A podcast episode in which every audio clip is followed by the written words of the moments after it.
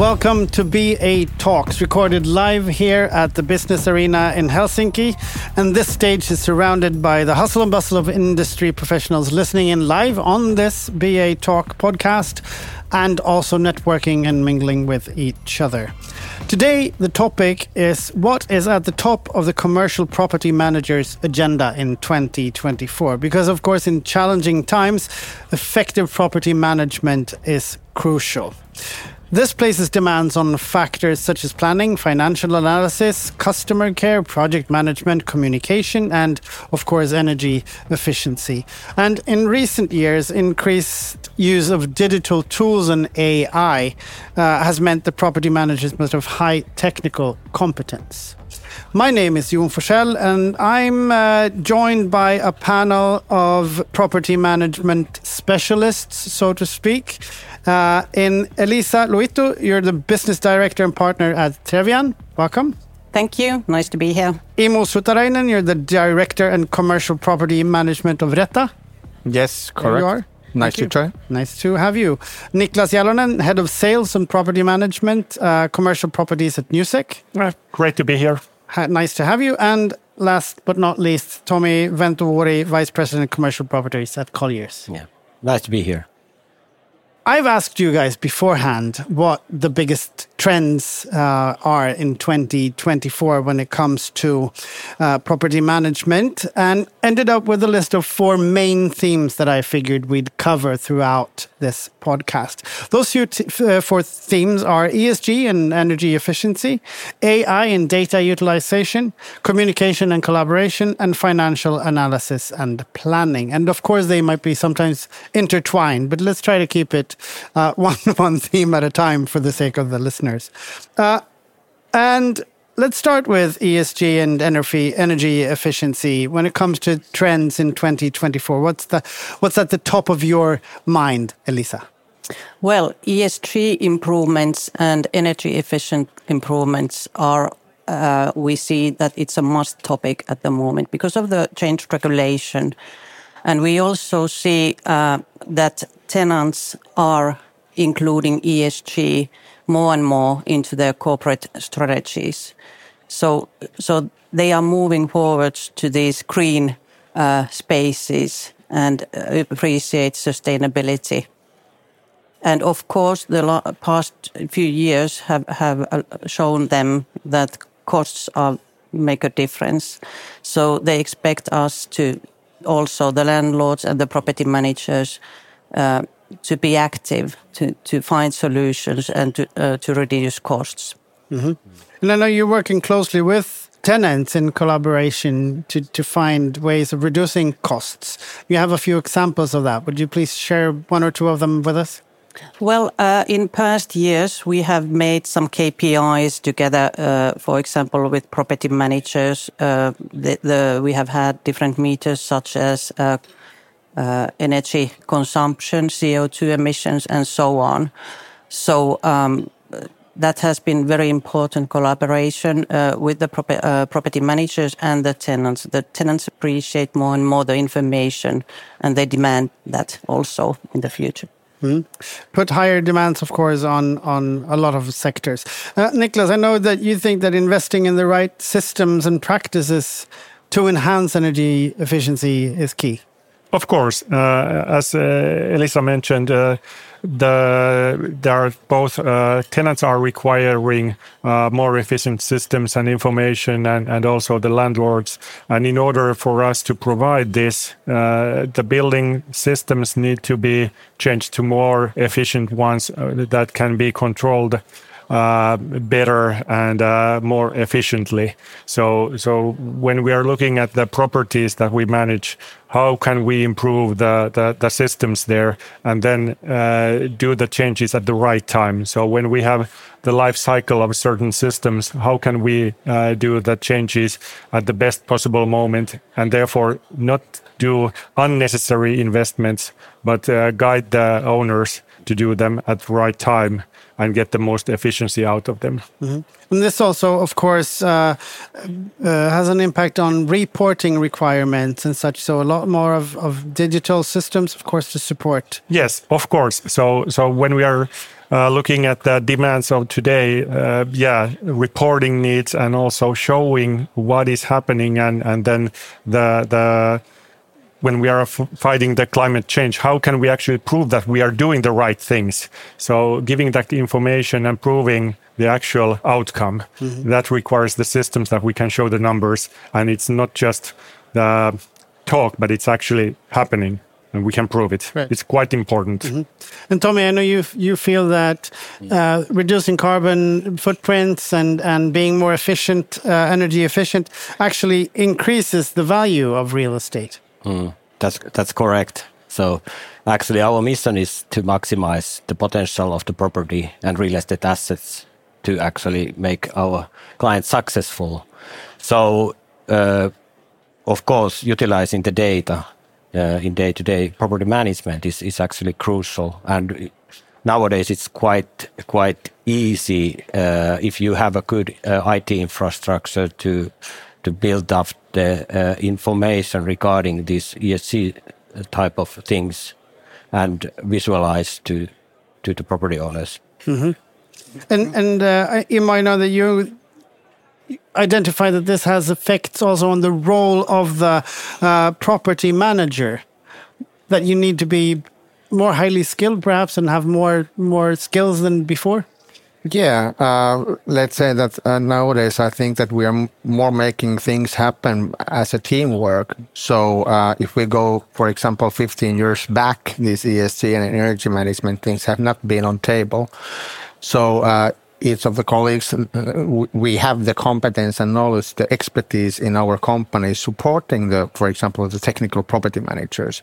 So it's combination of two expertises rather than one person having everything. So I think this, this will require uh, quite much uh, of course, on, on the technical property manager to, to understand what it really means. And I really like what Elisa said that, that we define the KPIs and bring more things more concrete also the on-site managers rather than having things on desktop regarding these matters.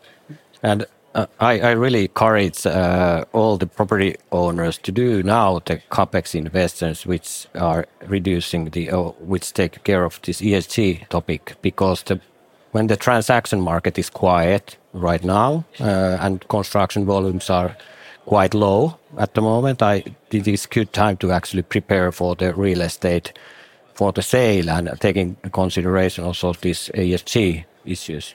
Mm -hmm. Yes, we, we can see already in the market that there are these um, green premiums and brown discounts. Mm. So, so you're absolutely right, Tomi, that, that mm. landlords should take care of the capexes and the energy efficient mm. improvements going forward. Yeah, couldn't agree more. Hmm?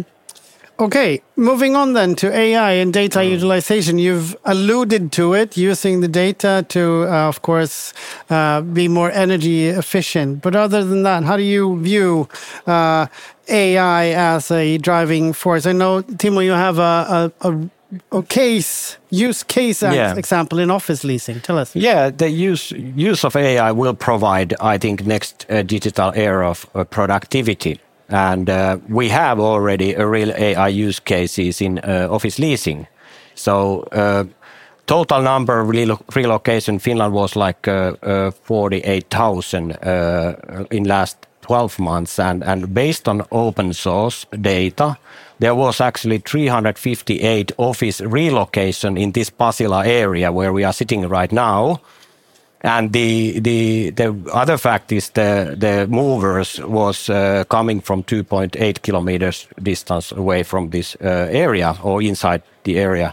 So uh, uh if I ask how many these 358 companies uh, that moved in the Pasila area you have been contact with, guys, the answer is maybe zero or few, but uh, if uh, but if you think about the AI, so we have taken uh, in use this kind of AI tool, which actually scans from the market noise in different relocation indicators to find potential tenants. So, and we see that the, the first contact is more important than any, any following. So you need to be proactive. Based on the AI, we can actually find much more easier the potential movers. So then we can actually find a good tenant to, to our client's property, and then we can be we we can actually help our clients to succeed. And for those of you listening, I just want to describe the happiness on Tomi's face when he's talking about using AI as a lead generation uh, tool. Uh, thank you so much for that. Uh, AI as a means of understanding the future from a financial term. So um, we handle a massive amount of data on daily basis. Mm. You as mm. property managers, we as asset mm. managers, and also our investors. We think that the the data at the moment is updated. It's in a good level. It's digitalized, but we see the trend now that our investors are looking for more to trying to forecast what is happening. And that's where we see that AI will, together with the human brain, will, will help us to, to try to, by understanding different uh, phenomenons, for example, the leasing, as you mentioned, mm. and also, but also uh, in energy efficiency by forecasting the weather and uh, combining with uh, preventive maintenance, trying to optimize the the consumption and avoiding the, the cost peaks, for example. Mm-hmm. And also the tenant behavior, what they are doing, as you as you already mentioned, Tomi, and then um, the market fluctuations. Mm-hmm. Those are the, the trends that we are looking for mm-hmm. this coming year. Niklas, do you see this uh, increasing the need for expertise, the rise of AI and, and technological solutions? That increase the need for technical expertise within the business? Uh, absolutely. So, for example, in our company, we have different roles that uh, are required. So we have a certain uh, team just uh, dedicated, like 10 people for a uh, BI team. So that when we are looking at a certain uh, uh, property manager, technical property manager, he doesn't have to understand all the, the data behind, but we need to have a team that can gather up the information and put put it into the use. And therefore, we need a lot of different uh, expertise than say five years ago or 10 years ago. So today's property manager is not quite the same as before. Mm-hmm. Okay. So now I'm going to try to uh, intertwine these these the, the topics of AI, uh, data utilization, and and communication and collaboration. Immo, because so the first question here will be just to you, and perhaps there's an AI element in the communication and collaboration uh, theme. I know you have some interesting thoughts on as I said, communication and collaboration and, and AI, it, it facilitates smooth collaboration. Yeah, uh, let's say that if we start from the AI and, and, and digitalization, I think those are in a way time making machines which ease up the, the the daily basis work and gives you more time for for collaboration, for example, with tenants or investors.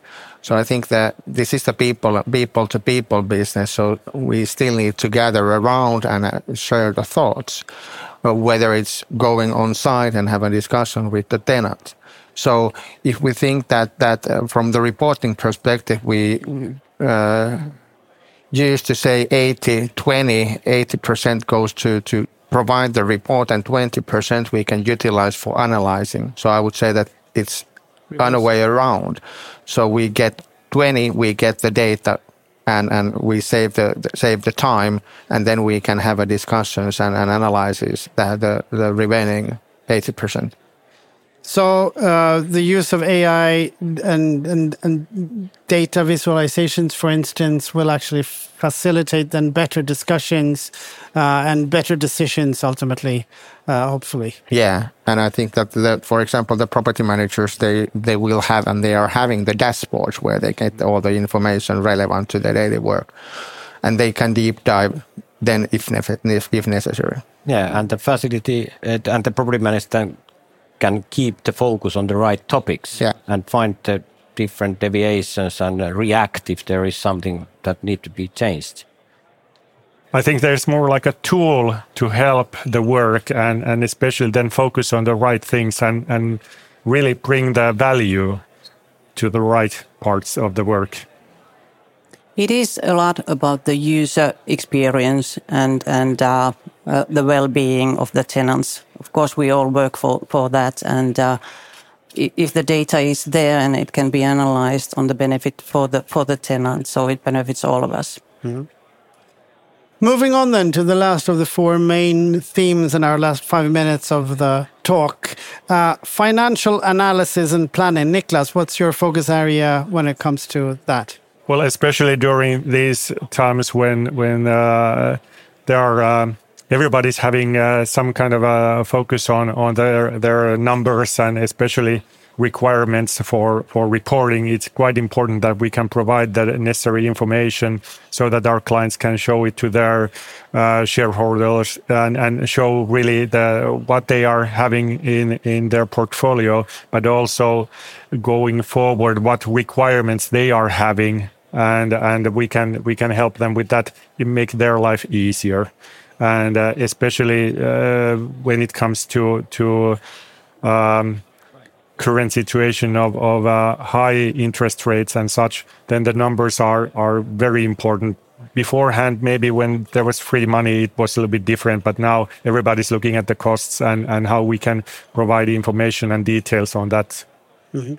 Lisa, you mentioned earlier that AI as a, a, means of looking into the future from a financial perspective. Is that something that you're looking at as well, or other other uh, ideas or thoughts on that? Yeah, I think that the financial data that that is provided is al already digitalized and it's in a could say in a good good level.